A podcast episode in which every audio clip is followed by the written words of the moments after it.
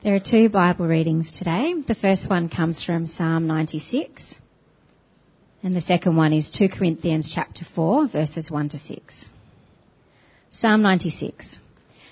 Sing to the Lord a new song. Sing to the Lord all the earth.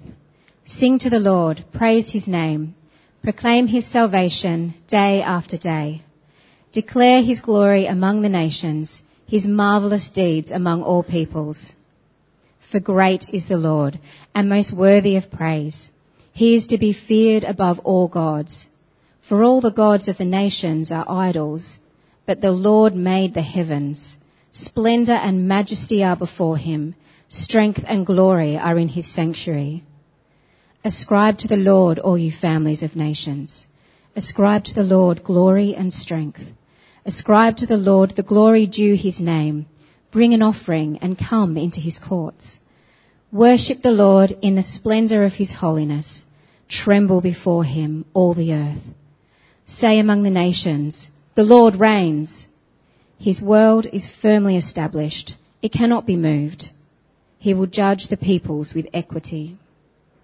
Let the heavens rejoice. Let the earth be glad. Let the sea resound and all that is in it. Let the fields be jubilant and everything in them. Let all the trees of the forest sing for joy. Let all creation rejoice before the Lord, for he comes. He comes to judge the earth. He will judge the world in righteousness and the peoples in his faithfulness. 2 Corinthians chapter 4 verses 1 to 6. Therefore, since through God's mercy we have this ministry, we do not lose heart. Rather, we have renounced secret and shameful ways. We do not use deception, nor do we distort the word of God. On the contrary, by setting forth the truth plainly, we commend ourselves to everyone's conscience in the sight of God. And even if our gospel is veiled, it is veiled to those who are perishing. The God of this age has blinded the minds of unbelievers so they cannot see the light of the gospel that displays the glory of Christ who is the image of God. For what we preach is not ourselves, but Jesus Christ as Lord, and ourselves as your servants for Jesus' sake. For God who said, let light shine out of darkness, made his light shine in our hearts to give the light of the knowledge of God's glory displayed in the face of Christ. Uh, well, good day everyone again. Uh, the, um, uh, I'm very grateful indeed for the opportunity of being with you. Uh, as I said before, we both are. Uh, uh, several times we've uh, heard that uh, I'm preaching this morning, but that's not true. Uh, actually, you are. because what we're going to do is look at this passage. If you've got it open in front of you, that'd be a great help. 2 Corinthians chapter 4 verses 1 to 6. We're going to look at it together as we discuss the question, how do you make new Christians? And really, the aim is for you to answer the question yourselves rather than for me to answer it. Because if you can work out the answer, then you'll remember it, whereas if I just simply tell you the answer, you will have more trouble remembering it. So we're going to do this in a way which, in which you bless each other, uh, and uh, uh that is to say, I hope we are, uh, because it will require on you co- require you to cooperate. I think you're a corruptive group, and I think this will work. However, I do have to draw a line here. I perceive in this congregation several people who I would regard as professional Christians, uh, and I have to say, uh, I'm not looking for you to answer the questions. Uh, so if you are a professional Christian, sir, shut up. Don't say anything. Thank you. Just wanted you to know that, unless invited to. Uh, now, uh, I've got a list of questions here for us to answer, and it's 2 Corinthians 4, 1 to 6. If you've got it open in front of you, that's really, really helpful. Uh, to, and uh, the question is, how do we make new Christians? And the questions I've posed that this passage, I believe, helps us to answer are, why would we want to? What is the chief problem in making new Christians? What is the method we should employ, what is the message we wish to share, and how does it work, and then finally, what should I do? So there you are, they're the questions. Why should we want to? What is the chief problem? What is the method? What is the message? How does it work? and what should I do? And until we get questions, answers to those questions, you're not leaving here. So you may as well start, uh, no, I'm only kidding. But nonetheless, uh, I'm hoping for full cooperation. That'd be really, really helpful. I tell you why, because really, one of the best things that can happen to us is we can hear each other articulate the faith. And it's really, really helpful, uh, unbelievably helpful for you to say something because it blesses someone else uh, as they hear what you have to say and they recognise your commitment. So that's uh, that's one of the reasons why we're getting you to do this this morning. Uh, the other thing is strategic. Uh, this church here, uh, set here in this opening up of this great new area of Sydney, uh, always astounded when I drive through it, or when we drive through it and see the sheer number of people who are living here and going to live here. This church is highly strategic, highly important church. And that is why you're being challenged so seriously in this, particularly this three weeks, challenged about our need to not just enjoy church together, which is great, but also to reach out into the community. Uh, and this church has been planted here so that it can become the beginnings of a great evangelistic enterprise in the community in which we're set. Uh, and it would be great indeed, as Steve had said, to see people from all nations who have come here to Sydney. Uh, one of the most wonderful things that's happened in my lifetime is to see the way in which so many people from so many different parts of the world now live in Sydney. Uh, I even met the other day in a taxi, I even met an Anglo taxi driver. I was astonished. Wow! Uh, that was, that was good fun. Uh, I met a taxi driver recently who also tried to evangelize me. That was good. Um, he was a Roman Catholic, but still, he gave me a little tract to read, uh, and so forth and so on. Uh, we live in an amazingly wonderful moment for this city when we can meet people of all, all different ethnic and national backgrounds, and people are moving here. Uh, and uh, so, therefore, our opportunity to reach out to all people uh, is is before us. So that's why we're talking about this. That's why we're doing it this morning. And I've explained to you that I'm hoping you will cooperate with this. One last thing to say. Um, in my earliest life, apart from being a failed law student, thank goodness, uh, I was also a primary school teacher. What that means is that you are safe. No answer that you give will be denigrated, mocked, or sarcasm or anything like this. In fact, you will be made to feel good for having given an answer. Even if it's ridiculous, I will weave it into the truth. Don't worry. So do feel confident. I'm looking for your help and cooperation this morning. That's what primary school teachers do. Any primary school teachers here? Oh, well, I'm right, aren't I? That's, that's the business of primary school teaching, to make students feel good about themselves. Okay. Well, there are other things you do, like maths, but uh, nonetheless, that's the idea. Okay? So, I've told you the questions, I've told you the method, I'm looking forward to your cooperation, and I'm saying that this is important. I'll be, I won't be back. What you're doing for each other is what really counts. Okay? Uh, so let's pray uh, again as we do this. Dear Lord and loving Heavenly Father, thank you so much for your word. Thank you so much for this great question we're asking of how do we make new Christians. And we pray that as we think of your word and study your word together, uh, you will help us to understand the answer to the question and understand too what we must do. And so we commit ourselves to you for this, for these moments into your gracious hands in Jesus' name. Amen. Now, while I go back and look at the questions to remind myself, have a look again at the passage. If you've got it open or someone near you have it open, that'd be really, mm. really helpful. Have a look again at the passage while I look at the questions. And the big question is, how do we make new Christians? Okay, and the first question is, well, why would we want to? Why would we want to? Church is fine, but we have other social groups that meet. Each of them has their purpose and so forth. So it'd be very nice just to have a church like this. Why would we want to make new Christians? Anyone suggest something from this passage? Uh, so I've got a terrible memory and I'm not so good on names and so forth, but I did meet Wendy before. Yes, Wendy, tell me.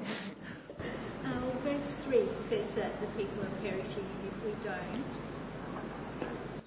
Thank you. Wendy has said to look at verse 3. Okay? And she's picked up a particular word in verse 3.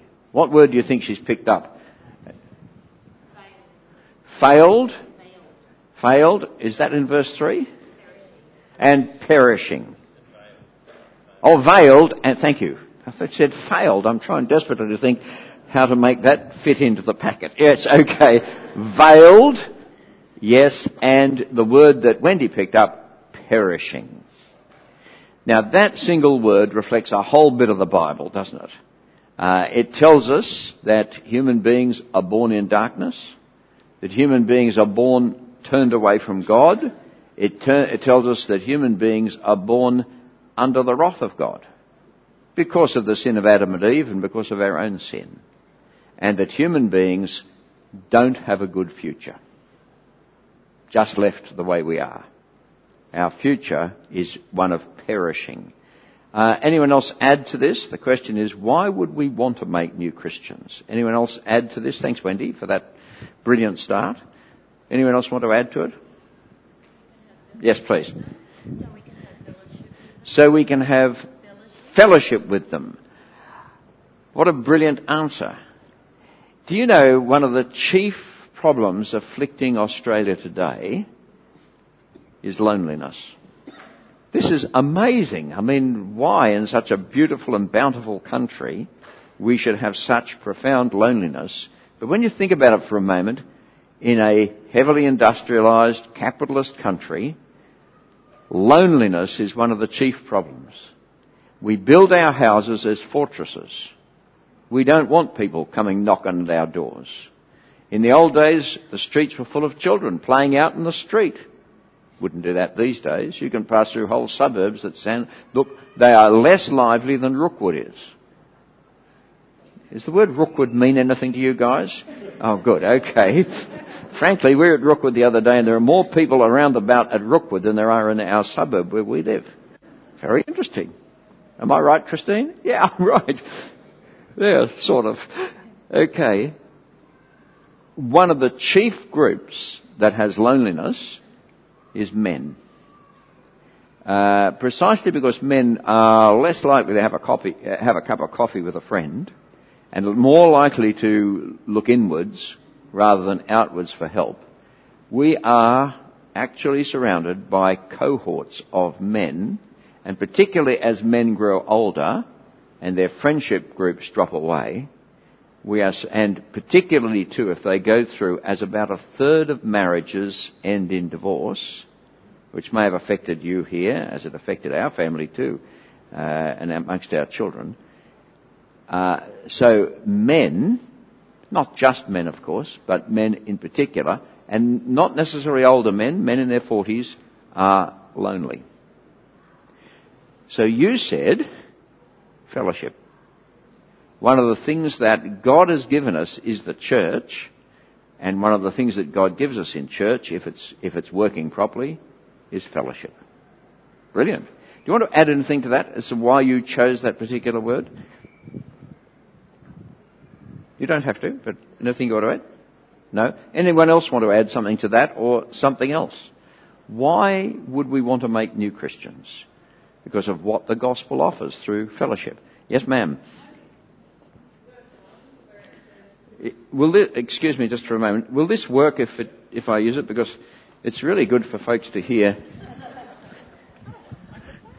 well, uh, you know, the pop star in you could come out at this point. It'd be really good. Okay. Um, so in verse 1, where it says, Through God's mercy we have this ministry, we do not lose heart. Yes. And I think the do not lose heart is a really important part of being a Christian. Yes. And do you know why? Anything you want to add to that, Erica? Well, I think not, not losing heart gives you hope. Thank you. I think it may be the other way around even. What the Christian faith gives us is hope. And it means you don't lose heart. And we are living in, again, in a hopeless world where there is a hope deficit. Once you see, once a society turns its back on God, as we have, uh, as our society has, it doesn't have the promises of God anymore. And it's the promises of God which give hope. Uh, eternal life. I will walk with you through the valley of the shadow of death. All the great promises of the Bible, summed up in Jesus, generate not just optimism. Some people are, you know, sunny optimists. Not me, of course, but some people are optimists. I'm not talking about optimism. I'm talking about hope. And for the non-Christian who has no promises of God, what hope is there? And this feeds into the other observation about lack of friendship. Okay, so what we've seen so far, why would we make new Christians? Because people need to come to know the Lord. Because they are perishing, because they lack some of the things that God has provided for us in this life, namely fellowship and hope. And you could expand this very greatly indeed. We won't take it further now, uh, but we'll, uh, you, could, you could spend an entire time thinking about why. Now let's move to the next question. What is the chief problem with make, if, if the Christian life is so wonderful and if the Christian gospel is so true, why is it that, you know, I, I, we're coming along here today and I can see the soccer field and there are hundreds of people on the soccer field. Okay, they're not here. They're not here. Now, I can't tell you what I do in a classroom, but nonetheless, uh, they're not here. So why is it, if the Christian faith is true, and if it offers such wonderful things, people aren't pouring in and saying, yes, it's for us? What is the problem? Why is it? And at the back. Apparently, you're going to get a microphone. This is really good. Uh, verse 4 uh, The God of this age has blinded the minds of unbelievers. Okay, stick with it. Who's the God of this age, do you think? Uh, sin, whatever's distracting people from seeing God. Anyone else come to mind? Yeah, the devil. Yes. Thank you. Yes, the God of this world is, I know you are prompted then, but it doesn't matter. It was your answer. Uh, the God of this age we're, is we're probably. Uh, you work as one. Yes. oh dear. Okay. That's brilliant. The God of this age. uh, the God of this age is probably a reference to the evil one, but your reference to sin is not so far away because the evil one can successfully work in our lives because of our sinfulness. Uh, Jesus said, whoever commits sin is a slave to sin. Well, that puts it fairly strongly. Whoever commits sin is a slave to sin. And as slaves to sin, we are prey then to the evil one. And the work of the evil one in this particular case is to do something particular. What is it? You've said it already. Blinded. To blind them so that, now my version says, so that they cannot see the truth. I think that's how it really should read. It's not a matter of saying, you know, why can't you see this? It's so obvious, it's so wonderful, etc., etc. No, there's a cannot there. Uh, the, uh, it's not as though you could, you know, making new Christians is a bit like running an advertisement campaign and getting more people to drink Coca-Cola or something. No, no, it's not like that. The human heart is already turned away from God. Look, uh, Ephesians chapter 2 verse 1 tells us that we are dead in trespasses and sins. It doesn't say we're sick. It says we're dead. And when you become a Christian, it's a resurrection from the dead. That's how significant the change is. And so you can't expect dead people to suddenly get out of bed and walk. Not without some supernatural intervention. So the God of this world has, bl- no, so never be surprised at people's hardness of heart. Never be surprised that people don't want to know about Jesus. Never be, that is the natural state of the human heart, of your human heart, before you came to know Him. That's the natural state of the human heart. We, therefore, we must not be surprised. We mustn't lose heart. We mustn't lose hope if the work of bringing new people to come to know the Lord is very difficult indeed. Because, sir, this congregation misbehaves badly. I'm terribly sorry. There's a balloon that's going round. Yeah, I just thought I'd let you know that. There's two balloons going around. Okay. Uh, could someone tell me now? You see my Sunday, school, my uh, primary school technique here. So, can someone tell me what I just said? Now, if I was really in school, I'd pounce on someone. Beck. But I won't. So, what did I just say? Talking about balloons. Will you stop this? We have limited time. You'll never get out of here. That's okay. I, ha- I have a, I have Judy is going to help us. Yes.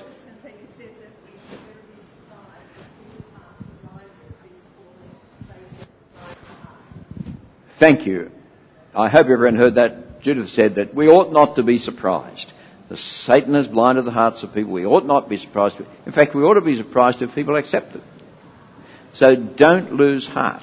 The work you are undertaking to share the gospel with your neighbourhood is an impossible work. It cannot be done. There's not a single person who doesn't know the Lord who will come to know the Lord uh, through your very clever persuasions, through your zealous work, through the love you give them. Not one person will come to know the Lord simply because you are doing that. Mind you, they won't if you don't do it, so don't get me wrong. But it is impossible for people to come to know the Lord uh, of their own. That's the natural state of things. So don't be disheartened. Don't lose hope. Don't stop doing what we're going to do because the next question is what's the method? Now, what method do we see the Apostle Paul using here for people to come to know the Lord? The method. You want to say? You, have come to a conclusion, I can see it. So, any idea? Pure honesty. Pure honesty. That was not the answer I was expecting. Uh, do you want to take the mic around? It, it's actually a better answer than what I was expecting, so we'll just press it for a minute. Go on, go on. Oh, let's better start again. Pure honesty. Um, what What are you looking at when you say that? Oh, sorry, my uh, my display's disappeared. uh, we have denounced shameful ways. That that concept. So we are sharing sharing our lives, sharing our relationship with Jesus Christ. That, as I say, was not the answer I was wanting. It was better, or it, it brought something out that I wasn't particularly well, thinking you're of. You're a good Isn't, teacher. Is, uh, no, no. Isn't it good? You see, it's a reflection that the congregation teaches itself at this point. Okay? That I don't have all the answers, but you do. Uh, yes, as the passage begins, it reminds us that Paul says we do not practice underhanded ways, but by an open uh, statement of the truth we commend ourselves to every man's conscience. We are not we're not like people who go around with a special message which we twist and turn and make it more palatable or something like that. That's, that's not our business. Now there are churches that do that sort of thing. There are, I, I, I regret to say, people who, even in the name of Christ, will twist the message to make it more palatable to the age in which we're living. This is a constant temptation.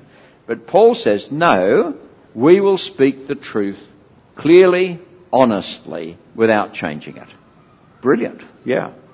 Uh, now, the real answer to the question that I was wanting was we will speak the truth. That is to say, our business is to preach. Now, you may not be a preacher in that sense, but all, of us as Christians are preachers in the sense that we share the message of G, we share the message uh, with the people around us.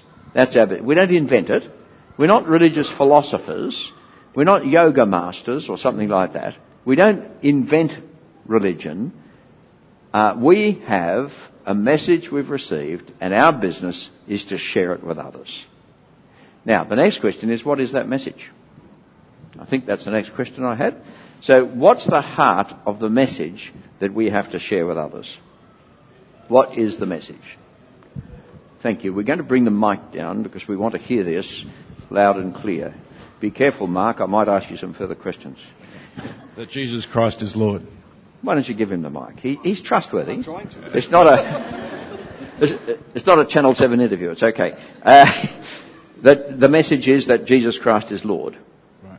Correct. Um, absolutely first rate. Can you tell us anything more about that? Well, um, Speak up. basically, uh, that Jesus is the Son of God made man, and Yes. he came to show us the way to heaven. So Yes. the Great Commission is involving the good news, which is that Jesus Christ is Lord. Yes. Did you hear that? Over there? Okay. Good. Could you hear it? Over there? Could you hear? More or less. Uh, the message is that Jesus Christ is Lord, that He's the Son of God who came to save, and He's given us a great commission to share that message with others. I think that's what you said. Yeah, yeah. Thank you. Anyone else want to add to what Marcus said here? Any other observations from this about Jesus is Lord?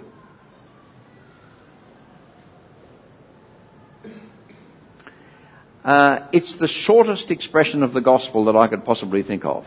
Jesus Christ is Lord. Uh, what's another way of sharing the gospel? It's not the only way, is it? Are there other expressions of the gospel in the New Testament? Hmm, that's not a very good question, obviously. Uh, if you wanted to share the gospel with someone, uh, what else could you give them? You could tell them He is the way, the truth, and the life. You could begin to expand what it means to say that He is the Lord. He is the Lord. Yes, what does that mean? Well, He is the way, the truth, and the life. No one comes to the Father but by Him as a sort of an expansion of the idea that He is Lord. Yes? And you could, um, you know what I'd do if I was in a primary school classroom? I'd close those windows. I'd close those blinds. You can, I, I see you being diverted. When I was in primary school, You got him? in, no, no, no, no, no, no, no, no, I was only kidding. Please, please don't, please don't, no, no. No, really? People want to be diverted. who, who is that guy? When I was in primary school, and this will tell you how long ago I was in pri- primary school, flying boats. Does anyone remember flying boats? Sunderlands and Sutherlands? Paul, you couldn't possibly be that old. Would come flying over our school and land in Rose Bay, and no matter what the teacher did, we would all stand up and rush to the windows to see a plane flying overhead. They were so rare. So that's, that's how old I am. Can you believe that? Okay. Yes. I'm going to deal with you later. That was very bad. okay. Uh, Jesus Christ is Lord is the sort of shortest way you can have of giving the gospel. But there are, you could take Luke's gospel. That's a, that's the gospel. So in other words, it can, the heart of the gospel is Jesus Christ is Lord. But there are many expansions of the gospel which will tell you who this Jesus is. Why we call him Christ. Jesus is the Christ, the promised one of God, the King. Jesus Christ is Lord. What do we mean by Lord? And all those other things. So yes, there's a, if you ask yourself, am I really sharing the gospel? Then ask yourself, has the person listening, not what have I said, but what has the person listening heard? Yes. Have they heard? Can they repeat back to me, in one way or another, that Jesus Christ is Lord? Is that what they're hearing? Now you may do it through two ways to live, or some other way of sharing the gospel. Through giving them a gospel of Luke, for example. But whatever it is, in the end, they have to recognize that Jesus Christ is Lord. That is to say, that He is the one who is in charge of this universe. That He is the one who came to die for sin so that we may be forgiven. That He is the one uh, who uh, is the judge of the living and the dead. That He is the one who can save us from judgment. He is the one who can free us from sin. He is the Lord. And furthermore, if we wish to become Christian, we must repent, that is to say, turn away from ourselves and turn to the Lord and entrust ourselves to Him. He is not just the Lord, He is my Lord. So right in that phrase there, Jesus Christ is Lord, is, is the gospel. The gospel of God the Creator, human sin, Christ coming to save us from sin, and our response of repentance and faith is there in this phrase, Jesus Christ is Lord. Our business is to preach Jesus Christ as Lord, and I love the section that follows. Why don't we all read that verse if you've got it open in front of you, and just notice where it puts us as those who are Christians. Ready? Uh, verse 5 there, read it together. For we do not preach ourselves, but Jesus Christ as Lord, and ourselves as your servants for Jesus' sake. In other words, your business is not to become a great religious guru or the great expert in your street on Christianity or something like that. As far as people are concerned, if you're talking about Jesus, what you want them to see is Jesus. I had a great moment. Many of you here will remember John Chapman, who was a great preacher. And I took my dad to hear him once at St Barnabas Broadway. And John preached on a pretty hard passage in the Bible, Romans chapter 6. And after he'd finished, I turned to my dad. It was a brilliant sermon, wonderful sermon. And I turned to my dad and I said, what do you think of that? And he said, what a great passage. He didn't say what a great preacher. He said, what a great passage. And when we share the gospel, the end result should not be, oh, what a wonderful person you are, but what a wonderful Lord Christ is. We are your servants for Jesus' sake. Now we're near the end. Uh, so the next question is, if it's impossible for people to turn to Christ, uh, why would we want to? Because they're perishing. What is the chief problem? Evil. Our own evil and the, and the evil, the evil one, the God of this world. What is the method? The method is truthful sharing of God's Word. What is the message? That Jesus Christ is Lord. Now, how on earth does it work? How does it come about that there are any new Christians at all? Let's uh, again now look at uh, verse 6, and again I'll invite you to read it together and then give me the answer. Ready? For God who said, Let light shine out of darkness, made his light shine in our hearts to give us the light of the knowledge of the glory of God in the face of Christ. Okay, so what's the answer? How does a person become a Christian?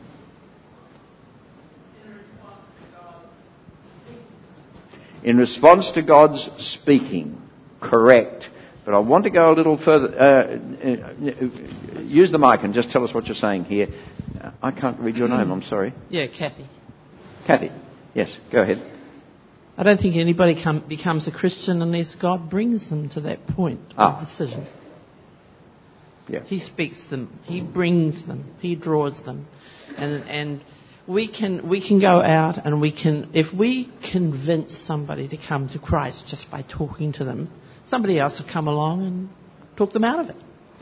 But if Christ draws them, that's, Very good. Now, in this verse, thank you entirely. Keep pressing on. You're on a, you're on a winner here. Keep going. Uh, in this verse, the image used is uh, the Word of God is there, but there's another image which is used there, another metaphor of what God does. well, He brings light into darkness. He makes you aware. Yeah. Isn't it a brilliant verse? I always think of it as, thank you very much, Kathy. Absolutely. For the God who said, let light shine out of darkness, I mean, he created light in this whole world by just speaking. See, he's so powerful, he just speaks and things happen. It's always the person who just speaks and things. I mean, who's more, who's stronger? Uh, the guy who shovels coal or the guy who tells the guy to shovel coal? Well, it's actually the guy who tells, it's, it's they who speak in that sense. He, God speaks and everything happens. Now, just as He created light at the beginning of the world, so He comes to you, you rotten sinner that you are. Yes? Perishing, lost, hopeless, without God and without hope in the world. Yes? He comes to you and He says, come on, Russell. He shines the light. Or my way of putting it is, just, uh, no worse, uh, yours is as good as mine, but my way of putting it is, okay, you walk into a dark room and suddenly behind you someone turns on the light. And what do you see? What do you see when God turns the light on? Yes, you have an answer. This lady here. You see everything quite clearly. You see everything absolutely clearly, and who is it that you see? Jesus. You see, Jesus. thank you, Carol. You see the face of Jesus Christ. You see that Jesus Christ is Lord when God turns the light on. So as you go, say you went door to door in this suburb with the gospel, and say, you know, and many times people have no conversation with you, sometimes they do, etc., etc., and it happens, and it sometimes does, believe it or not, that you knock on a door and someone has been prepared by God and is waiting for that knock on the door. Don't believe it never happens, it does happen. And you tell them that Jesus Christ is Lord using the best language you can, and no one's, you know, it's so hard to do, but you tell them that Jesus Christ is Lord in whatever way. And God turns the light on. And they become Christian. You've done it because you've obeyed God and you've gone and shared the word. But God's done it. Because the only way that person can become a Christian is if God turns the light on. And He knows, if you knock on a hundred doors, He knows which of the hundred there is a person there who's going to come to know the Lord Jesus that day. That's how it happens. Don't be disheartened. When people reject the message, that's natural. But look for the one in whom God is working and who will turn the light on. Now, sometimes God turns the light on. There's a lady who I heard of recently who was dying. She had a, her, her brother-in-law had shared the gospel with her again and again and again. She rejected it. She was, he came and visited her two or three days before she died. She said, can you give me a Bible? He said, what's happened to you? She said, I've been sitting, I've been lying here thinking about what my Sunday school teachers taught me 60 years ago. And you know what? I believe it. So the word dropped into her heart 60 years before by the power of God's Spirit brought her to faith. And frankly, if you're a believer this morning, that's what's happened to you too. It's not because you were clever, wise, well connected or something like that. It's because God has opened your eyes to the truth. So there we are. We're going to conclude now. I've gone slightly longer than we should have. I apologise for that. Uh, but the passage, 2 Corinthians chapter 4, verses 1 to 6, we've worked on it together. As we've worked on it together, starting with Wendy and then going on from everyone else around the room, why would you want to help people become Christians? Because they need it. They are in desperate need. They are perishing without it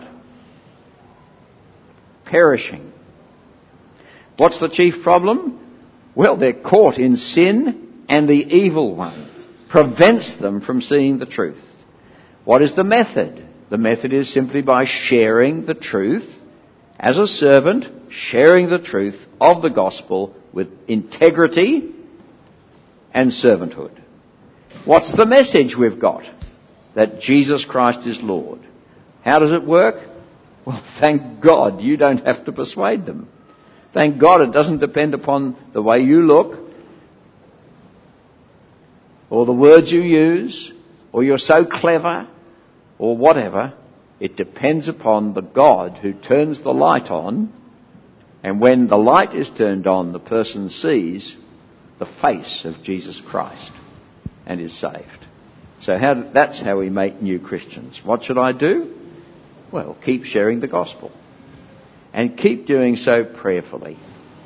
Because as we share the gospel prayerfully, so God Himself blesses His word by His Spirit and brings people to know Himself. Thank you very much indeed for sharing with me this morning. You'll see that there is ample wisdom in this room so that you bless each other as you speak with one another and you encourage each other. And let me say to you, I do so hope that in months and years to come, you will be sharing the gospel, particularly in this part of the world. And God will bless that endeavour, and we will see many, many, many people with whom the light has turned on, and they come to know the Lord. Let's pray. Our Father God, we do pray for those around us here. We do pray, Heavenly Father, that as Christian people in this church and other churches as well share the good news of the gospel, so you will, by the power of your Holy Spirit, bring many, many, many people to come to know the Lord. And we pray, Heavenly Father, that we will simply be faithful to that task, speaking the truth, speaking the truth about Jesus, making him known, and being the servant of those to whom we speak. And so we commit ourselves to you for this great task in Jesus' name. Amen.